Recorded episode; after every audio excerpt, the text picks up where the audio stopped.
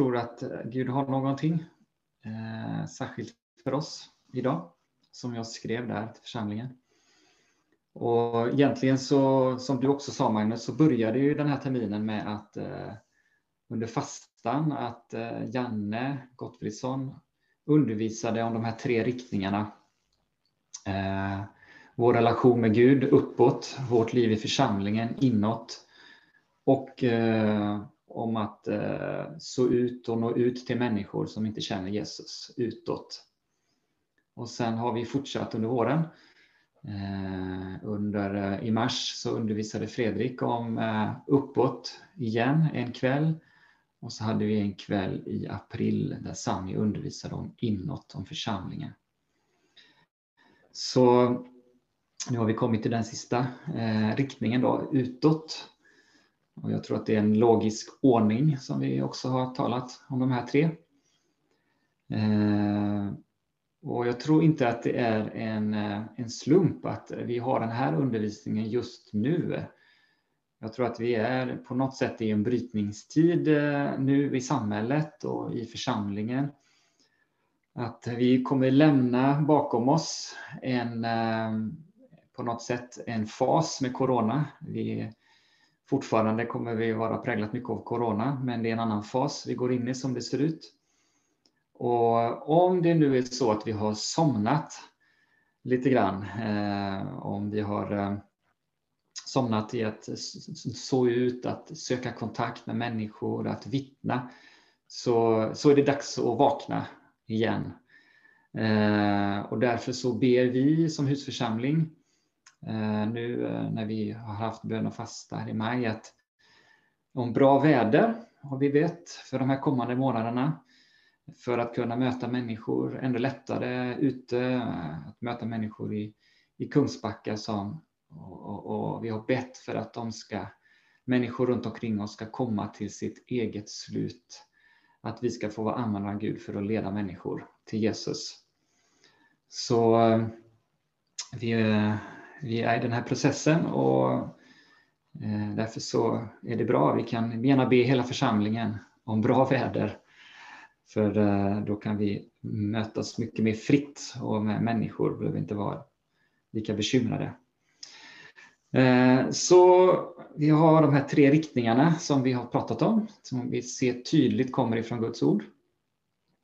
Och vi bör inte leva utan någon av dem. Eh, för utan ett personligt liv med Gud så, så har vi inte skatten, vi har inte livet med Jesus.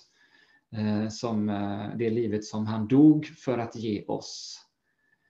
Så utan den riktningen uppåt så har vi ingenting egentligen.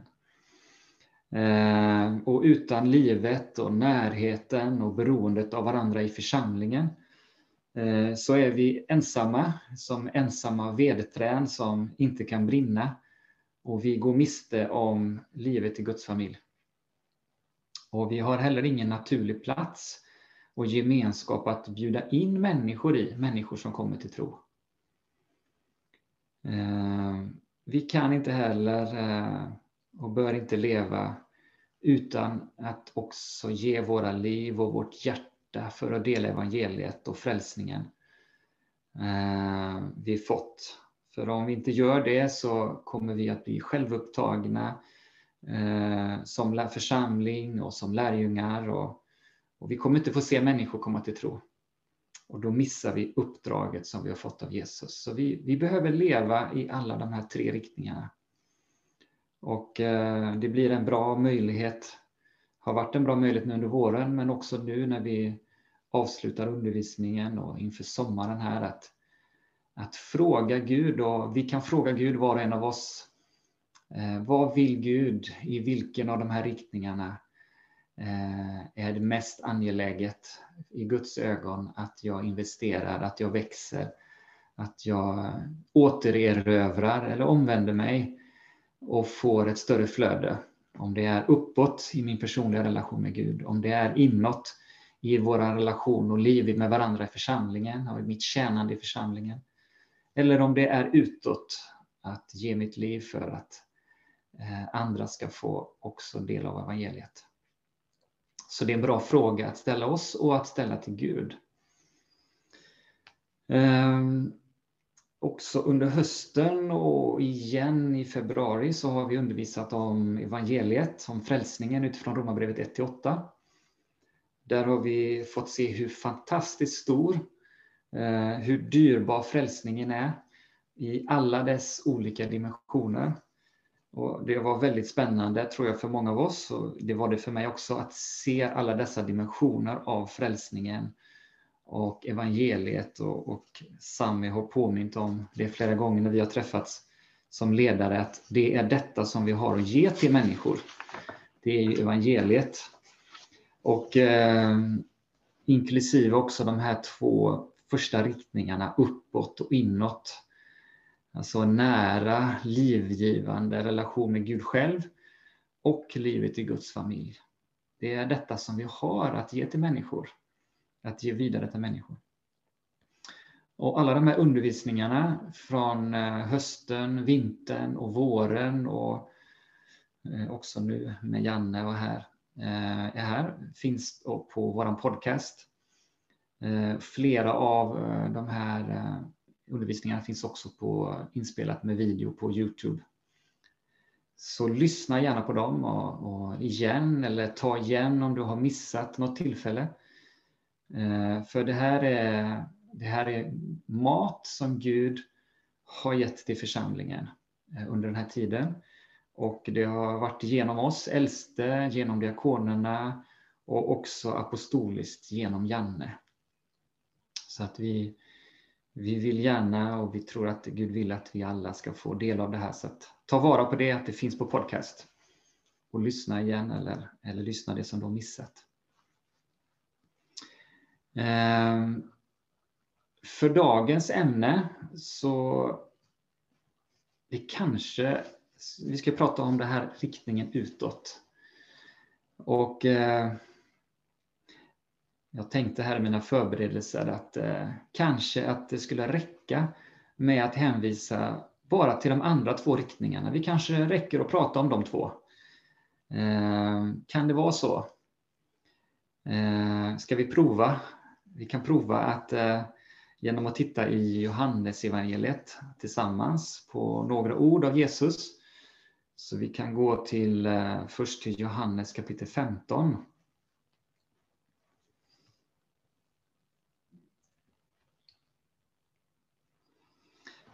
15 i vers 5 så står det Jag är vinstocken, ni är grenarna. Om någon förblir i mig och jag i honom så bär han rik frukt.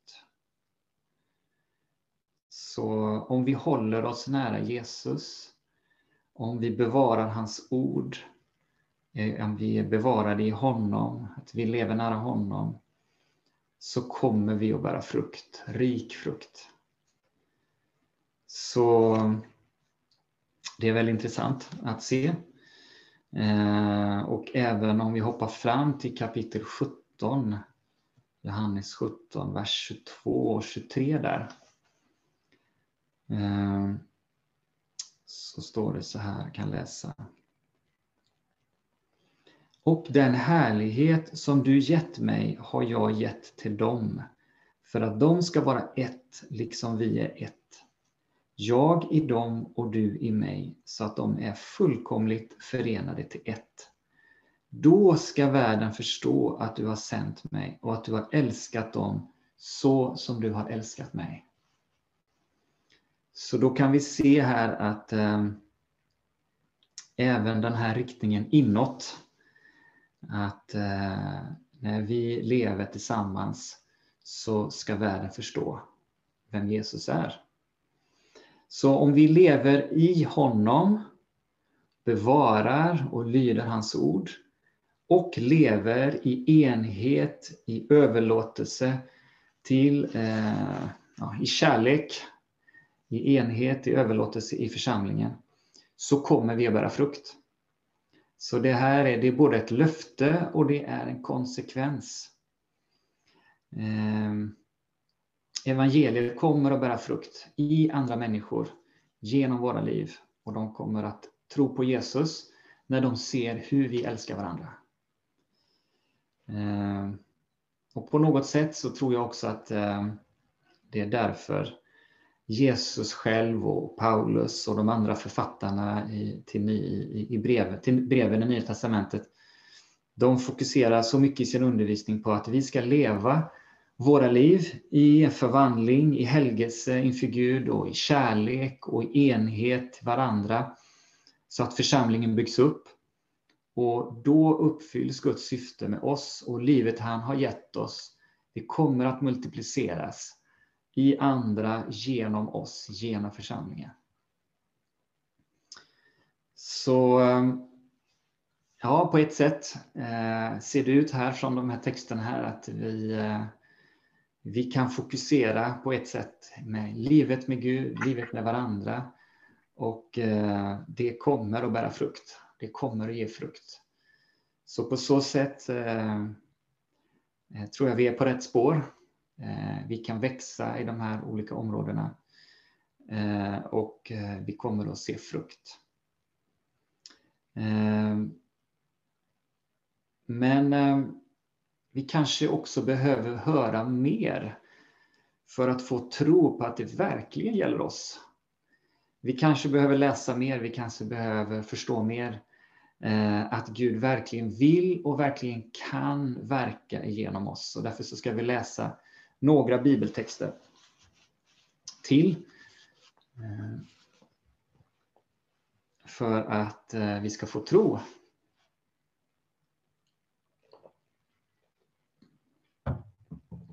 Vi kan gå då tillbaka till Johannes kapitel 15.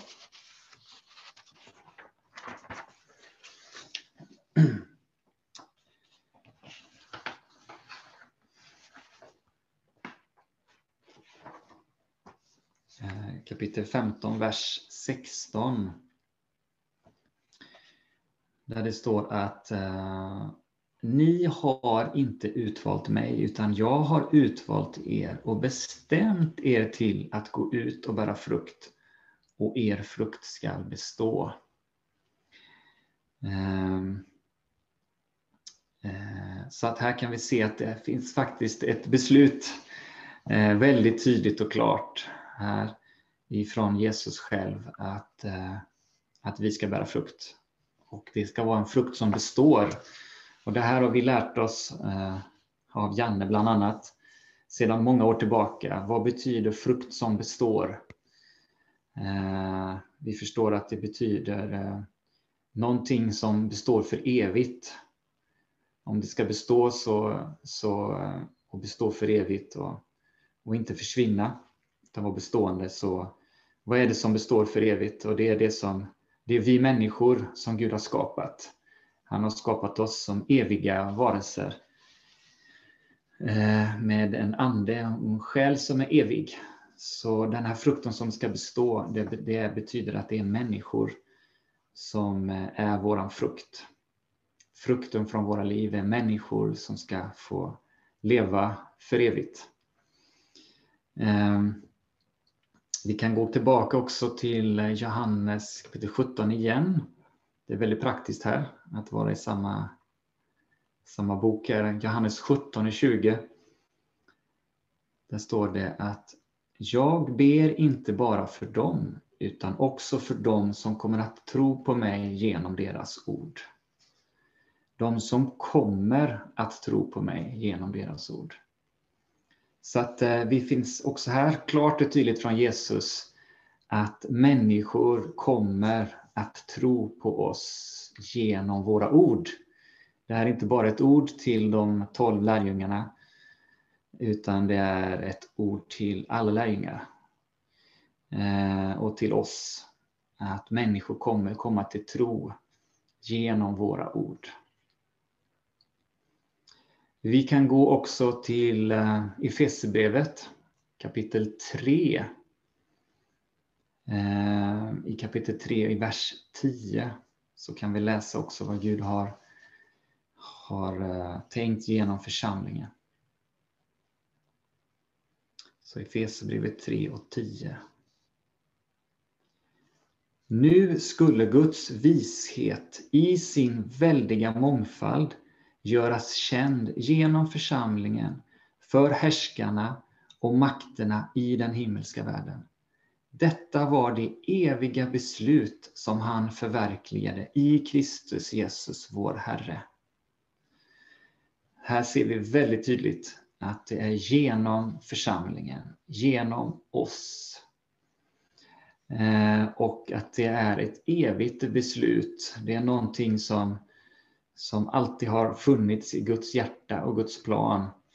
Eh, och att eh, det är genom församlingen så ska människor få se vem Jesus är. Så att eh, vi kan vara trygga, vi kan vara lugna, vi kan ta emot tro ibland så misströstar vi, människor misströstar om församlingen, men det gör inte Gud och det gör inte Jesus. Utan han kommer att fullborda sina planer genom församlingen. Och eh, det finns olika tider där Gud använder församlingen på olika sätt. Eh, men definitivt så är vi som hans lärjungar och som församling, vi har ett uppdrag, vi har en kallelse, vi har en uppgift, vi har ett syfte att eh, också eh, vinna människor och leda människor till ett, ett evigt liv och in i hans församling. Så det här var ju tre underbara ord. Eh, så kanske vi börjar få mera tro. Kanske vi blir uppmuntrade eh, att tro på Jesu ord, på Guds ord. Och vad, behövs, vad behövs då? Vad behövs mer? Vad behövs mer än tro? Eh, vi kan gå till Apostlagärningarna, första kapitlet. Och så Apostlagärningarna 1 och 8. I Apostlagärningarna 1 och 8 står det att när den helige Ande kommer över er ska ni få kraft och bli mina vittnen i Jerusalem, i hela Judeen och Samarien och ända till jordens yttersta gräns. Så här har vi fått ett löfte att den heliga Ande, lärjungarna fick ett löfte att den heliga Ande ska komma över er. Och det är också eh, eh, det som, som Gud har tänkt för alla lärjungar, för alla Guds barn den heliga Ande, ska, vi ska bli döpta, fyllda av den heliga Ande. Och då ska vi få kraft och vi ska bli hans vittnen. Så de var, eh, Jesus hade sagt till att de skulle vänta Eh, tills de fick ta emot eh, dopet i den helige Ande. Och därför att han visste att de behövde kraften ifrån den helige Ande. Så vi är också helt beroende av kraften från den helige Ande för att kunna vara hans vittne. Så vi behöver tro och vi behöver kraft. Och han har lovat att ge oss kraft. Ehm, när vi eh, samtalade i fredags på vår ledarträff, eh, vi äldste tillsammans med Janne, så delade Janne där lite spontant, vi samtalade, Väldigt fint från Guds ord om, eh, och det var särskilt just från Apostlagärningarna, om hur Gud vill verka i oss och i andra. Hur han vill leda oss eh, till de som inte känner Jesus, eh, hur han vill eh, Eh, vilken attityd som han vill att vi ska ha för att människor ska bli frälsta. Så det var väldigt fint det som, som Janne delade där och vi hoppas att han kan få tillfälle att dela med dig med oss. Eh, kanske att det kan bli eh, lite av detta den kvällen, den lördag den 12 juni som vi har bjudit in eh, som då kommer att handla om att handleda och vägleda lärjungar. det kan passa bra där att dela också om detta för Janne. Ehm. Och eh, det här med att, att eh, att nå ut, att eh, leva i den här riktningen utåt. Ehm, vad ger det oss för associationer? Vad, vad tänker vi att det innebär? Och jag insåg här när jag förberedde att det finns ju otroligt mycket att samtala om, att dela om, att läsa om. Ehm, men en fråga som jag skrev här, är det en, en enmansgrej? Är det något vi gör på egen hand? Eh, att nå människor? Nej, jag tror inte det, vad jag förstår från ordet.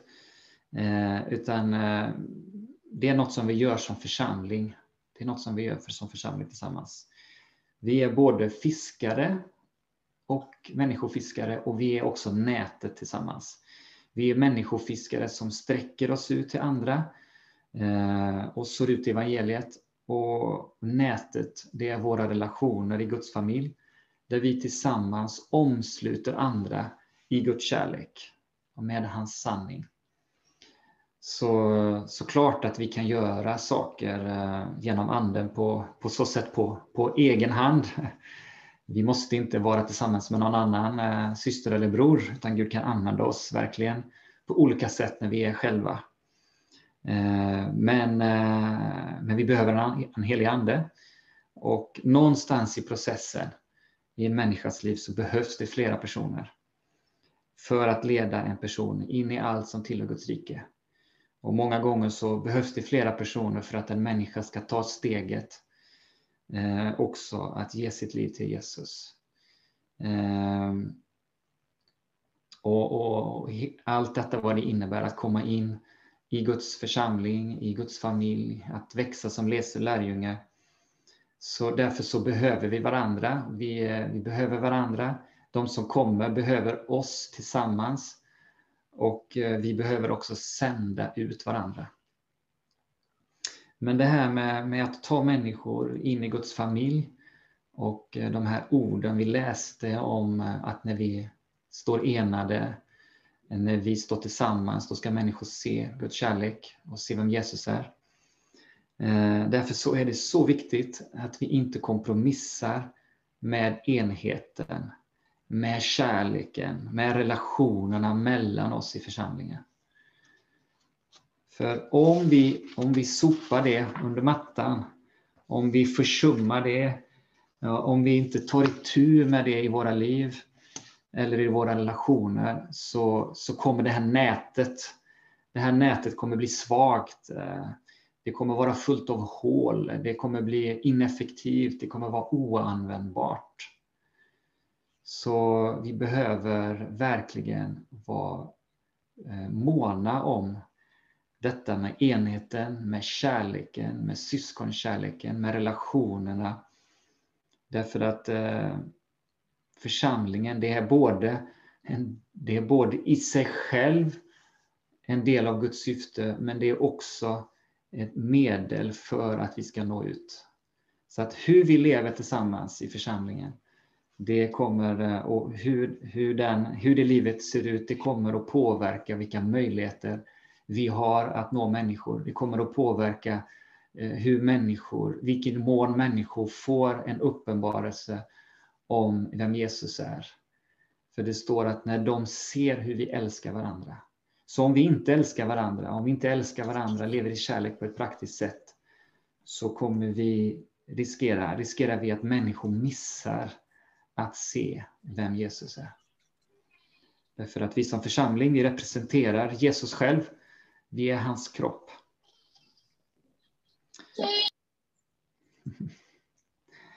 Eh, så jag tänkte här att vi kan, eh, innan jag fortsätter, att vi kan be. Eh, vi kan be här om, om tro. Vi kan, vi kan be om kraft.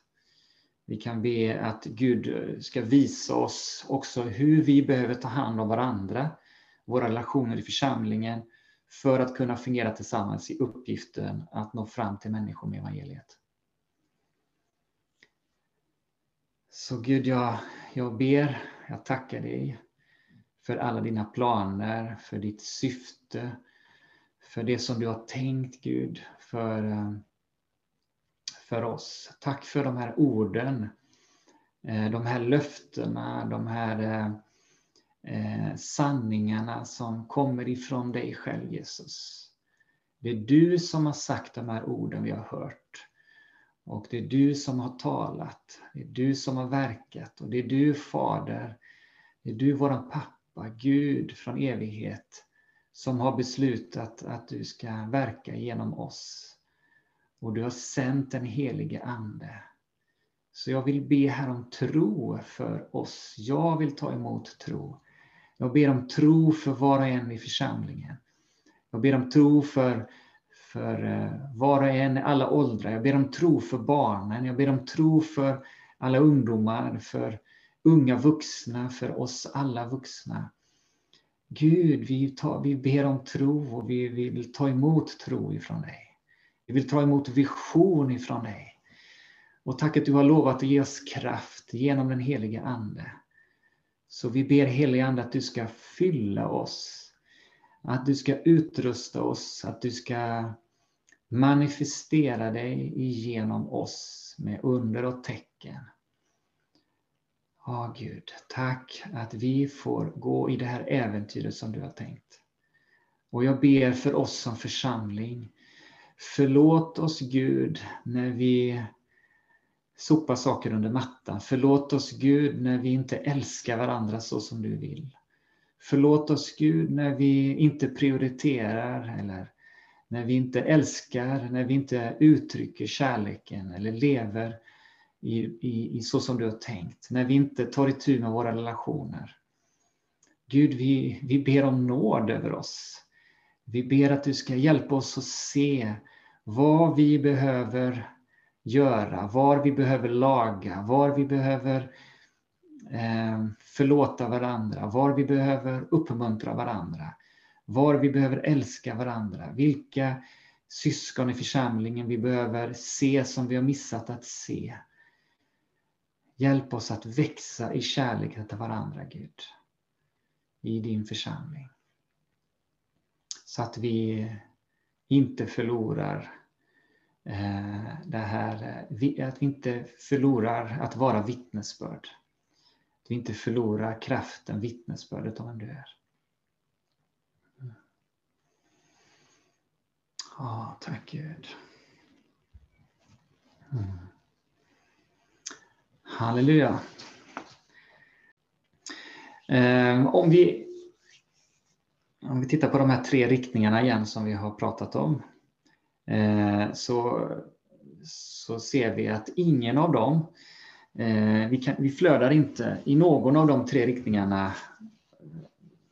Det, det flödet det sker inte av sig självt. Det händer inte bara. Eh, det händer inte bara att det flödar, fullt flöde i de här riktningarna. Utan eh, det behövs eh, prioritering. Det behövs överlåtelse. Det behövs att det blir en del av vårt hjärta och, och liv dag för dag i praktisk handling. När vi tjänar Gud, när vi eh, tillber honom, när vi söker honom, intimitet med honom, så är det, prakt, det, är något praktiskt som vi gör. Det är inte bara en känsla, det är inte bara ett, eh, eh någonting vi har här inne, utan det är praktiska steg och prioriteringar för oss. Eh, och det gäller även eh, livet i församlingen. Eh, det, det fungerar inte bara genom att jag, jag älskar, jag har en god känsla för mina syskon och jag är glad för dem, utan det behöver vara en praktiskt, uttrycka sig på ett praktiskt sätt och det behöver investeras och så vidare för att det ska ske någonting. Så det gäller för alla de här tre riktningarna, men det är också intressant att även om det, det innebär alltid att vi behöver ge oss själva. Vi behöver utge oss själva, vi behöver offra oss själva på något sätt.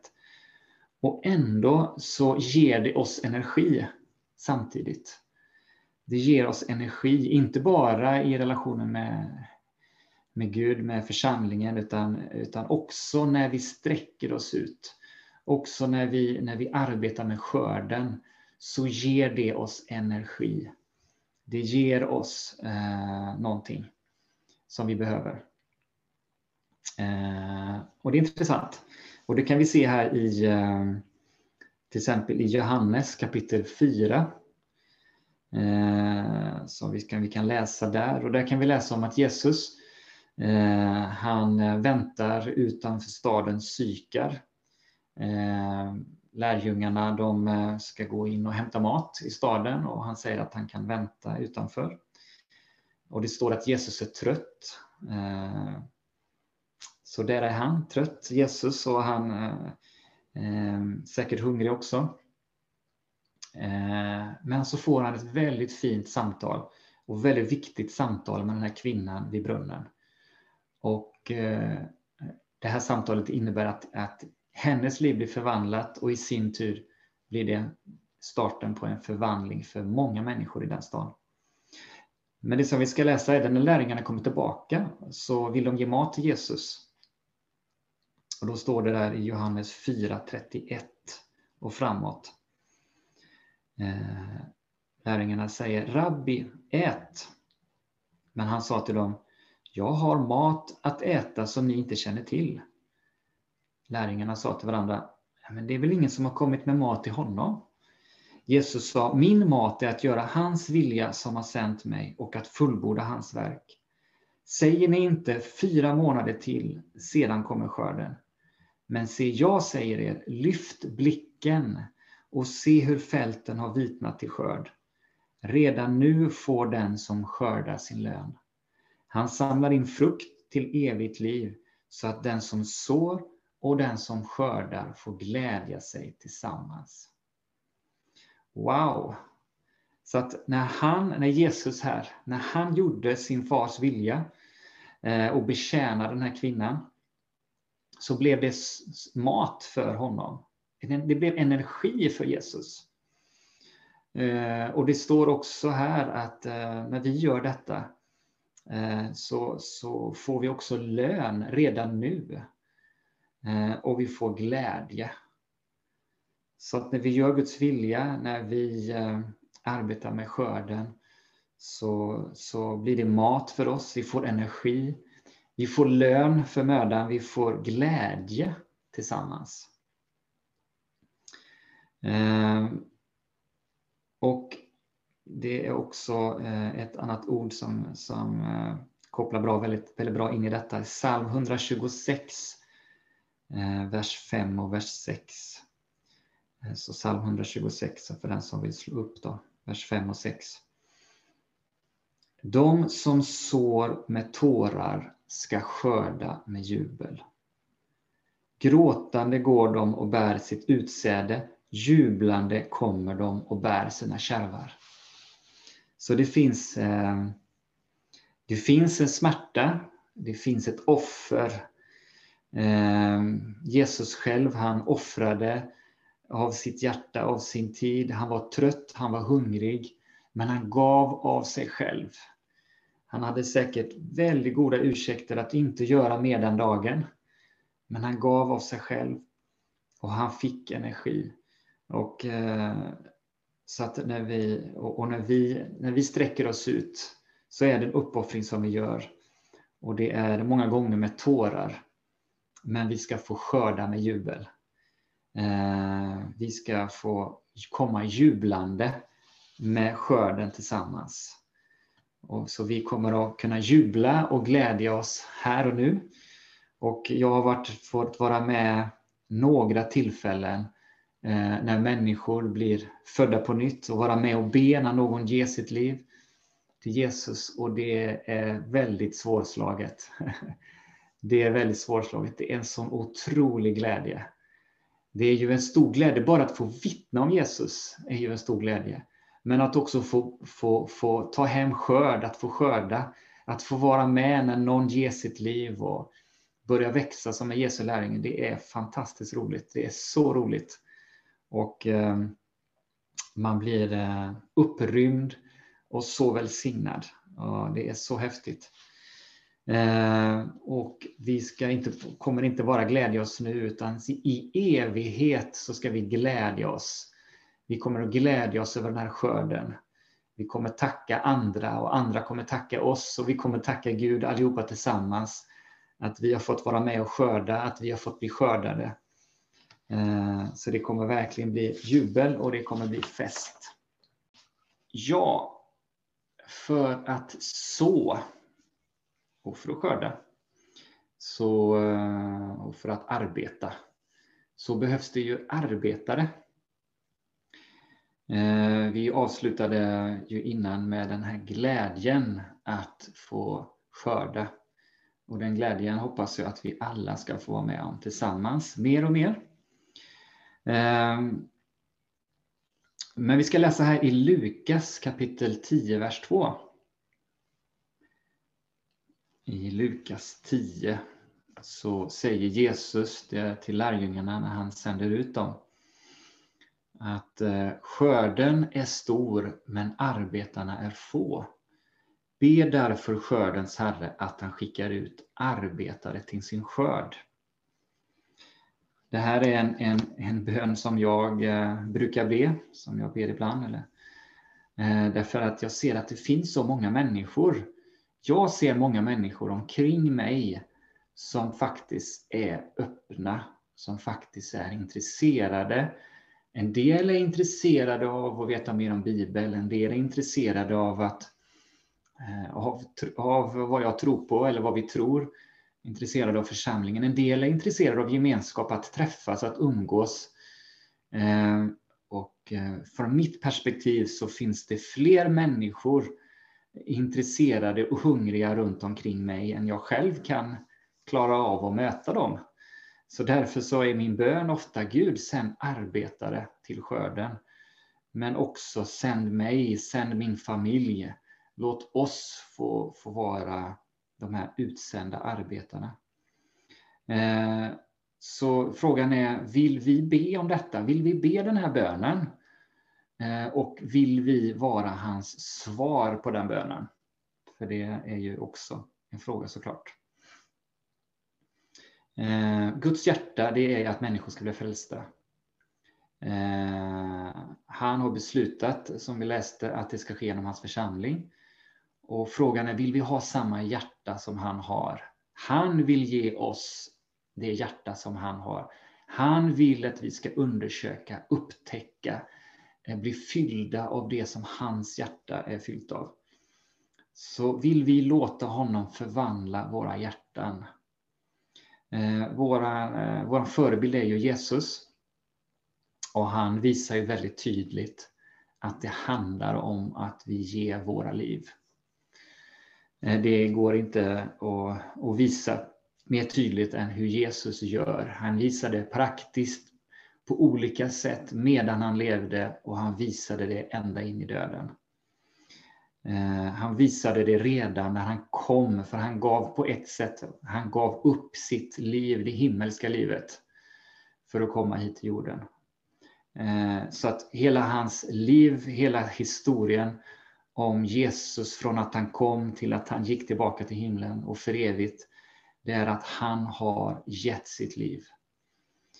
Eh, och eh, vi har läst några gånger här redan i Johannes kapitel 15. Jag kunde nästan be er att hålla kvar ett finger där, eller en penna. För vi ska läsa där igen, bara en vers. Jag kan läsa här, eh, Johannes 15 och 13. Ingen har större kärlek än den som ger sitt liv för sina vänner.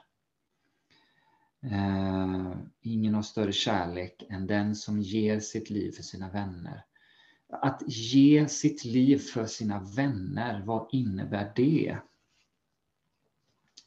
Innebär det bara att eh, jag är beredd eh, att eh, dö eh, om det är någon annan som ska bli avrättad så, eh, så kliver jag fram eh, som den här eh, Kolbe hette han så som Sören har berättat om bland annat.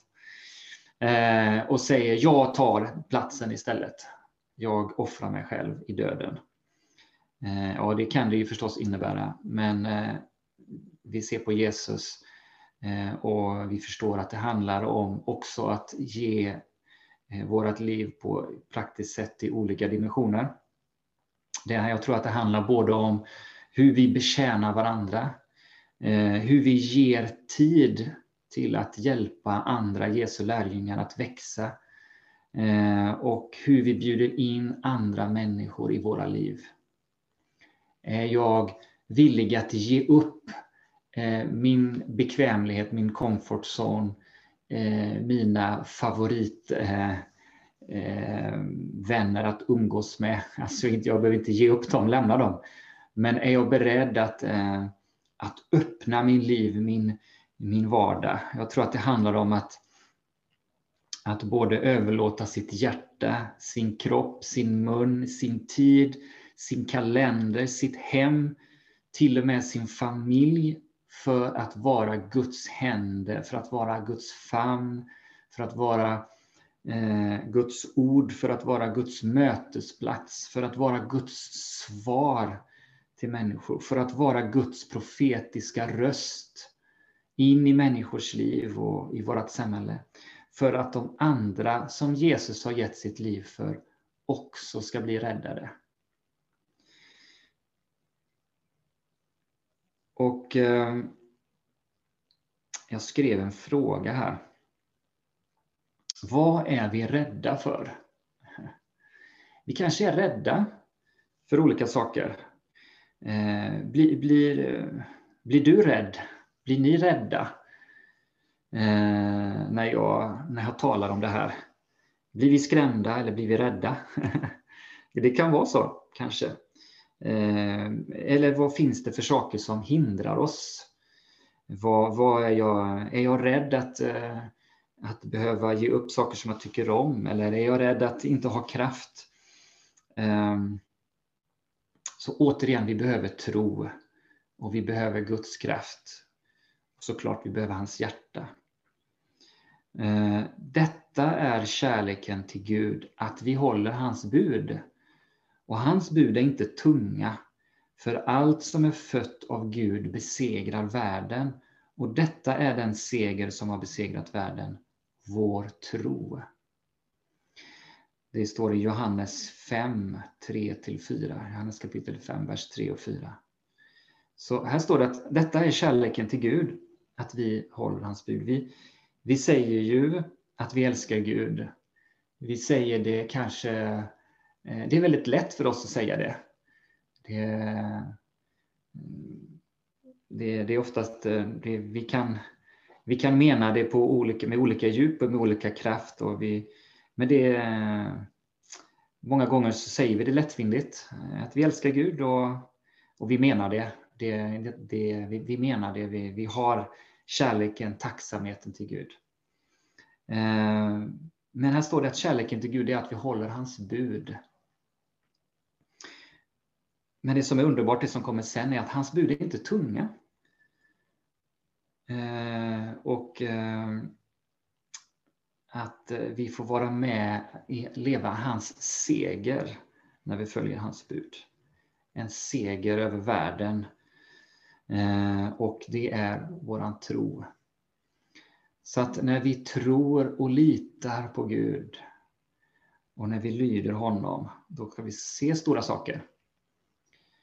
Eh, det står också att hans verk är vi skapade i Kristus Jesus till goda gärningar som Gud har förberett för att vi ska vandra i dem.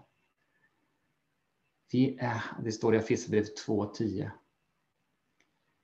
Efesierbrevet 2.10, att vi är hans verk, skapade Kristus till goda gärningar. Eh, och han har förberett oss för att vi ska vandra i dem. Så eh, det är väldigt förberett. Eh, vi behöver bara älska Gud, vi behöver bara följa det som han säger.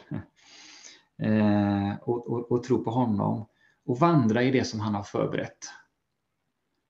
Och det kan ju såklart eh, många gånger uppen, innebära att vi får välja bort andra saker. Jag hade tänkt göra något annat. Jag hade tänkt göra det här. Jag hade tänkt att hinna det här. Jag hade tänkt att prioritera det här. Jag hade tänkt att den här dagen skulle vara en dag där jag bara kan göra vad jag vill. Och så plötsligt så vill Gud att jag ska göra någonting. Jag hade tänkt att den här kvällen skulle det vara bara familjen men Gud hade tänkt att det skulle vara andra med. Jag hade kanske tänkt att jag skulle vara med familjen. Men Gud hade tänkt att jag skulle vara någon annanstans. Jag hade kanske tänkt att eh, umgås med de där två personerna, men Gud hade tänkt en tredje person. Jag hade kanske tänkt att vara hemma i värme, men Gud kallar mig att vara ute i kylan för att lyda honom. Eh, så det är klart att eh, de förutberedda gärningar som han har för oss, de kan ju krocka med våran agenda. Men vi behöver inte vara rädda, utan eh, vi kan lita på att när vi överlåter våra liv för det uppdrag som han har gett oss, så ska han ta hand om oss och han ska också ta hand om alla våra behov. Han vet våra behov. Han är en god far. Så jag vill inbjuda oss, er och mig själv tillsammans att, att överlåta oss att vara lärjungar som är vittnen och som vittnar om honom. Det kan se väldigt olika ut. Vi kan ha olika perspektiv, olika bild av vad det innebär. Det kan innebära olika saker för olika personer. Eh, för mig innebär det att vara och göra på ett visst sätt. För dig kanske det innebär någonting annat. Därför att Gud har förberett olika saker för oss och vi har olika gåvor, vi är olika personer, vi, vi verkar på olika områden. Men, eh, men han vill att vi ska vara aktiva. Han lägger inte tunga bördor på oss, utan han är den som lyfter av bördor. Han är ju den som lyfter av tunga bördor. Så att eh, vi behöver inte vara rädda. Eh, Sami fick en väldigt fin, eh, intressant bild här i fredags när vi träffades. Eh, och eh, han ritade lite grann där och, och att, eh, att man skulle kunna se de här tre riktningarna eh, som vi pratat om som att de är tre rör. Eh, ett rör som kommer uppifrån med livet från Gud och det flödar ut i de andra två rören. Eh, till församlingen och till andra.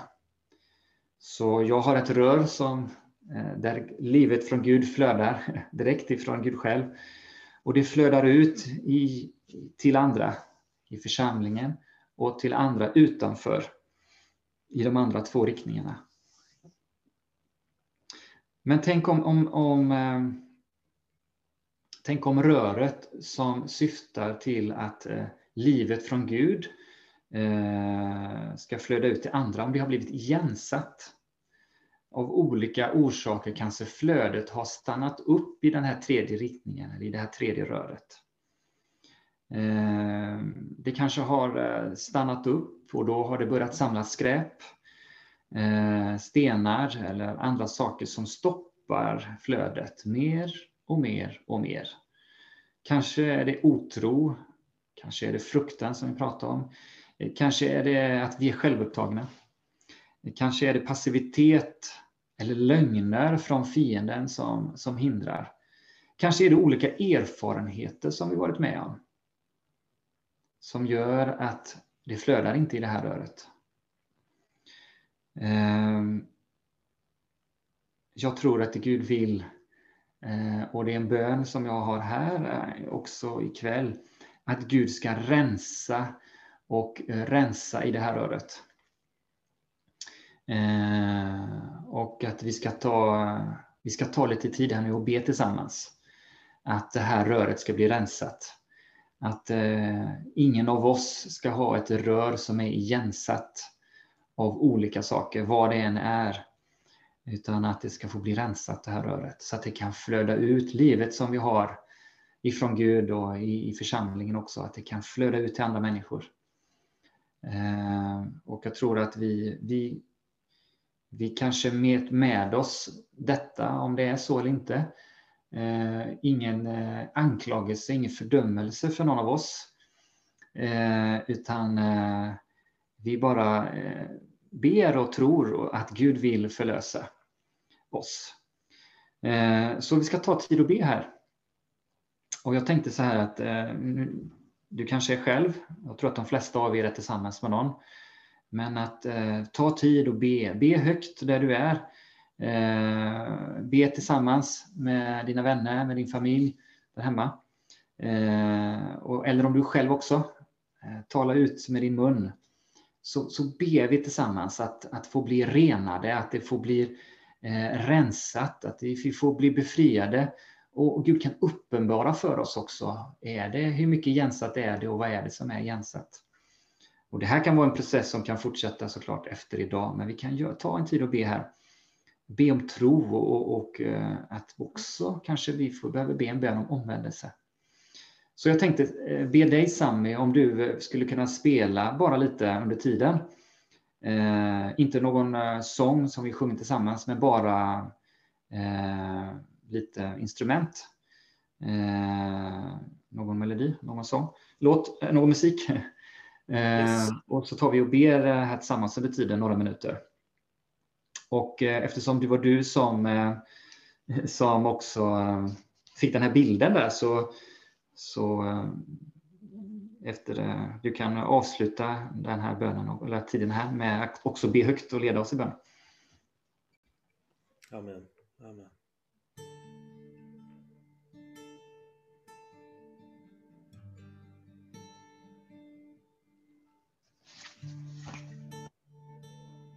Vi kommer alltså fortsätta, jag kommer fortsätta tala här och det, det är inte slut än då, undervisningen och så. Vi tar den här tiden här.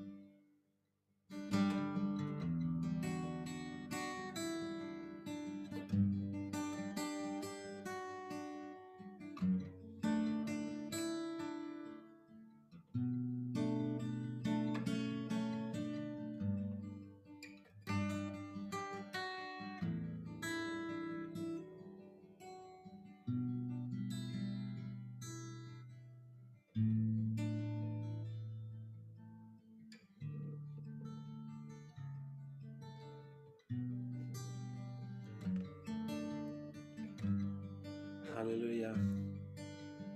Vi ber dig Gud, du ska rena oss. Rena mig. Och av allt som tynger mig. Rena mig. Av all själviskhet. När jag lever bara för mig själv. Eller när jag lever bara för min familj. Eller för mina egna projekt och aktiviteter.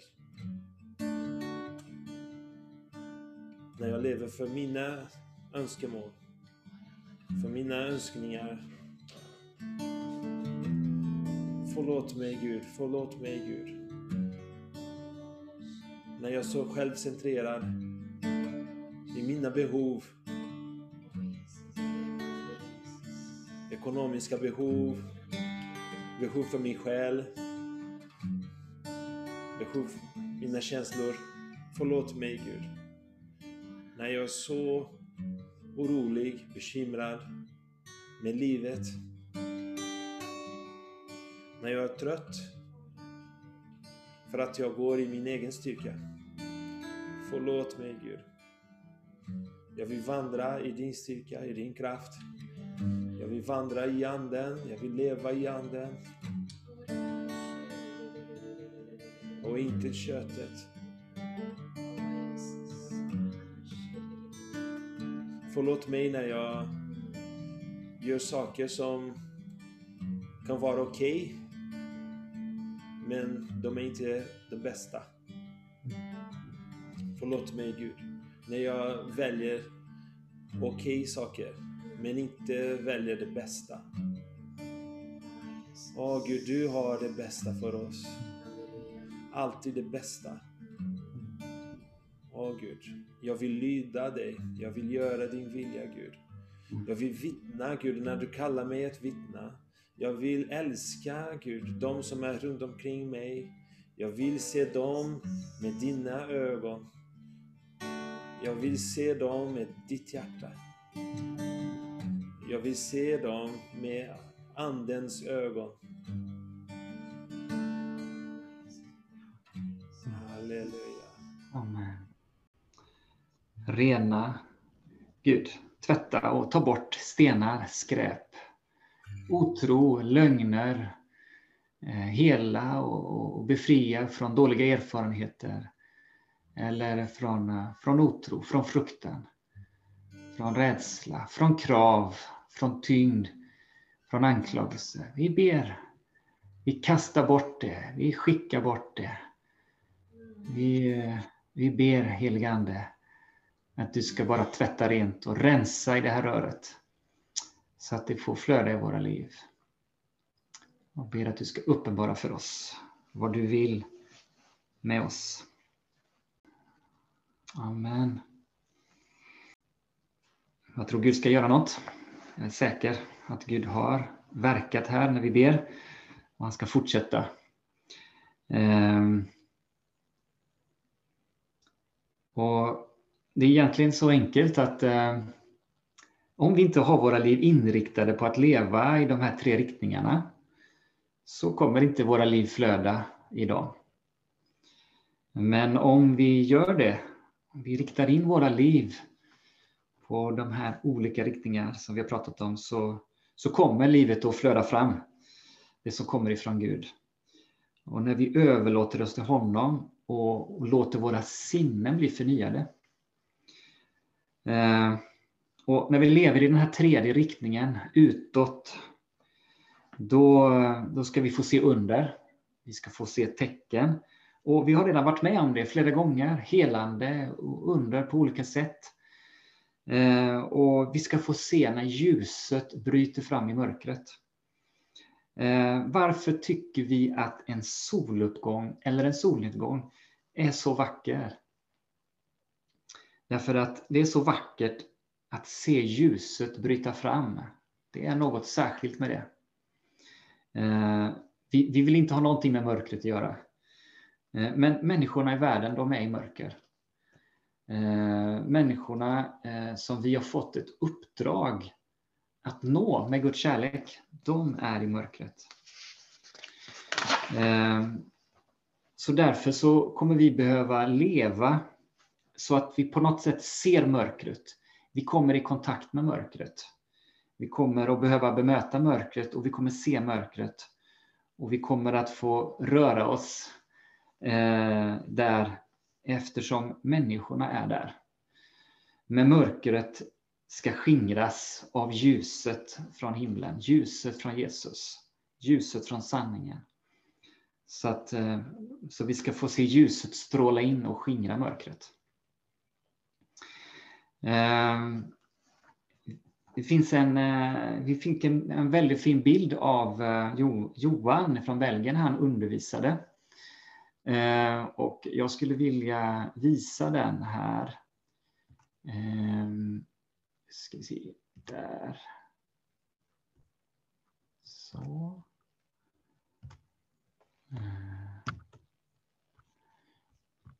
Ser ni bilden här nu? Ser ni texten? Yes. Från PowerPoint? Yes. Jag bara ändrade lite för att hjälpa till. Johan är fantastisk på svenska, men jag bara gjorde ett par små detaljändringar. Jag bad att få den här bilden igår av Johan. Eh, för att eh, när han talade om att leva i församlingen och leva i det som Gud har tänkt. Han talade utifrån Romarbrevet 12. Men den här bönen är en bön som vi kan be för alla de här tre riktningarna egentligen. Och som vi kan be varje dag, varje morgon. Och eh, om, jag inte, om du inte har någon annan bra bön som säger samma sak, så ta den här bönen. Prova den här bönen. Här är jag min pappa i himlen. Jag är tillgänglig för tjänst. I tro klär jag mig i dig Jesus och jag vill tänka som du. Vad tycker du är viktigt idag? Led mig genom din ande. Amen. Det här är en enkel bön, men den är väldigt djup. Jag vänder mig till min pappa och jag ställer mig i hans tjänst. Jag börjar morgonen och säger att jag äger inte mitt liv, du äger mitt liv. Jag tjänar inte mig själv, jag tjänar dig. Jag är inte i min tjänst eller någon annans tjänst först och främst, utan jag är eh, i, i, i tjänar Gud, jag står i hans tjänst. Och jag tar emot tro och eh, jag klär mig i Jesus. Jag vill tänka som honom och jag vill veta vad han tycker är viktigt den här dagen. Och jag ber att den heliga Ande ska leda mig. När vi ber den här bönen så ger vi upp vårt eget liv, men vi överlåter oss också till ett äventyr som är större än något annat äventyr och som är evigt. Och på det här sättet så kommer också världen se Jesus i oss. Ehm, så jag tyckte den var väldigt, väldigt bra. Jag tycker vi kan ta med oss den. Ehm, jag skulle vilja här att jag har redan förberett Janne lite grann. Vi har inte pratat så mycket om det. Men eh, jag vet Janne att du pratade väldigt fint eh, till ungdomarna förra fredagen. Eh, och du behöver inte ta hela den undervisningen, men jag tänkte på den här delen med eh, att eh, eh, det är någonting som Gud gör. Det är, ingenting, det är inte att vi gör något, utan det är han som gör. Att vi kan slappna av, att vi kan vila i honom. Ungdomarna fick höra detta och om du kunde på på, på, på eh, fem minuter här innan vi tar och ber och lovsjunger igen. Eh, kan dela det med oss. För jag, jag önskar att ingen ska, ska ta eh, den här undervisningen som en börda eller som krav eller se på sig själv men se på Gud. Så om du, om du vill Janne här så skulle det vara jättefint om du kunde ta några minuter. Eh, om, du, om det går bra.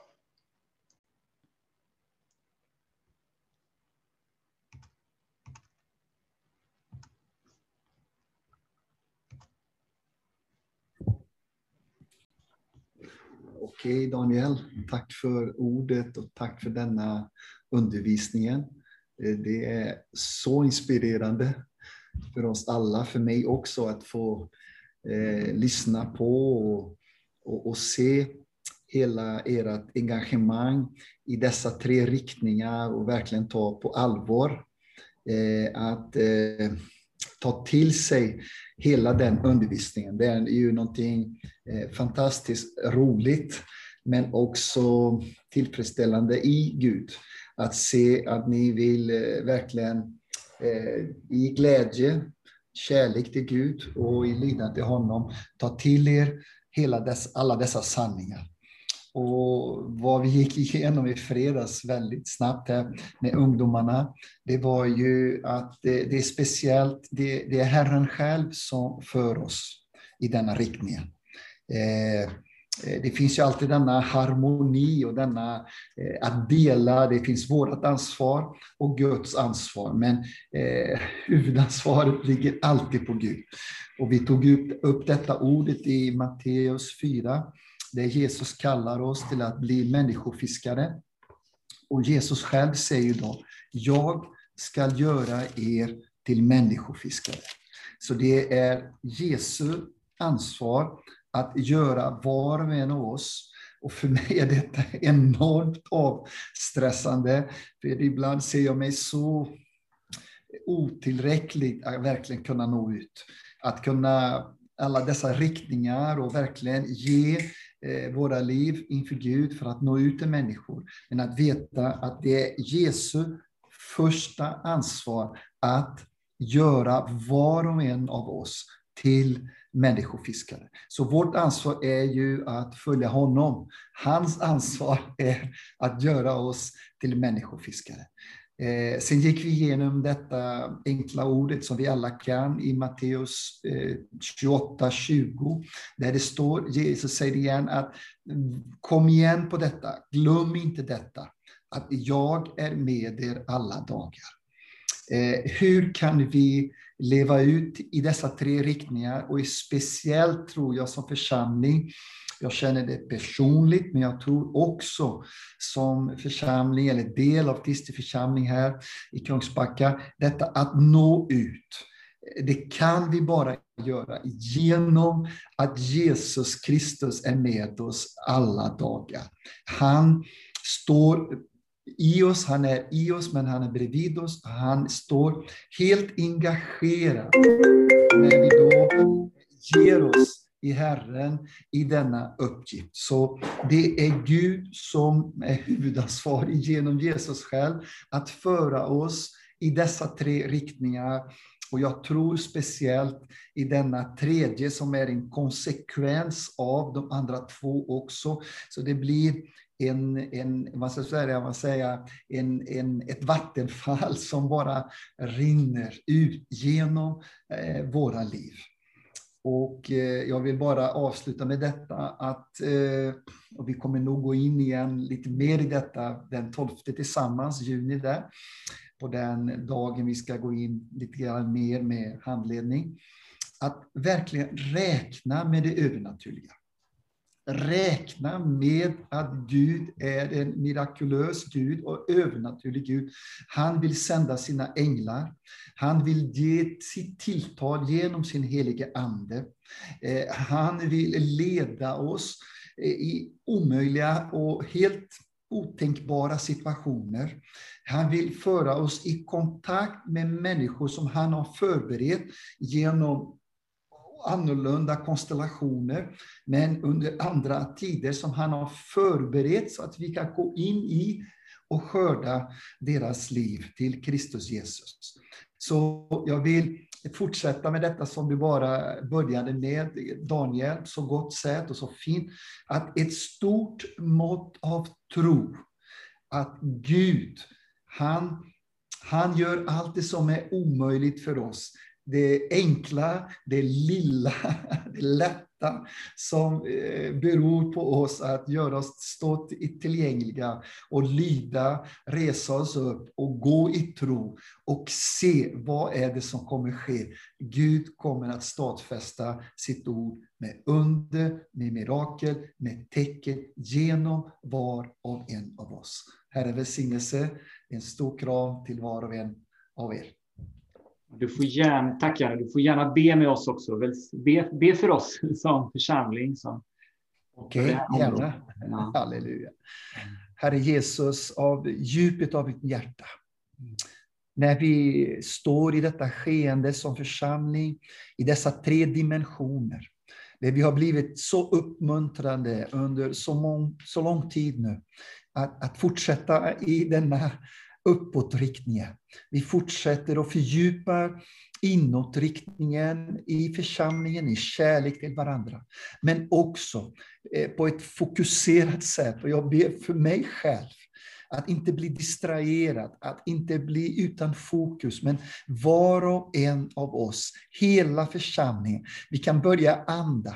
Andas av en tro att längtan och tillgänglighet och lydnad att nå utåt. Detta är vår kallelse.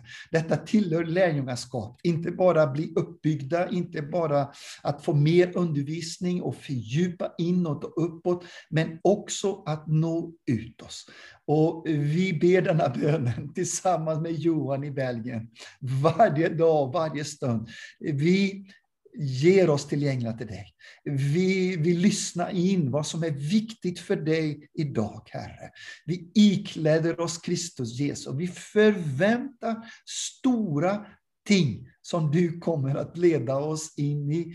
Och på detta sättet kommer vi bli förundrade. Halleluja. Vi kommer att glädjas som Daniel har undervisat om genom ditt ord, Herre. Vi kommer att bli helt upprymda i detta äventyret att nå ut till andra människor i Herren Jesu Kristi namn.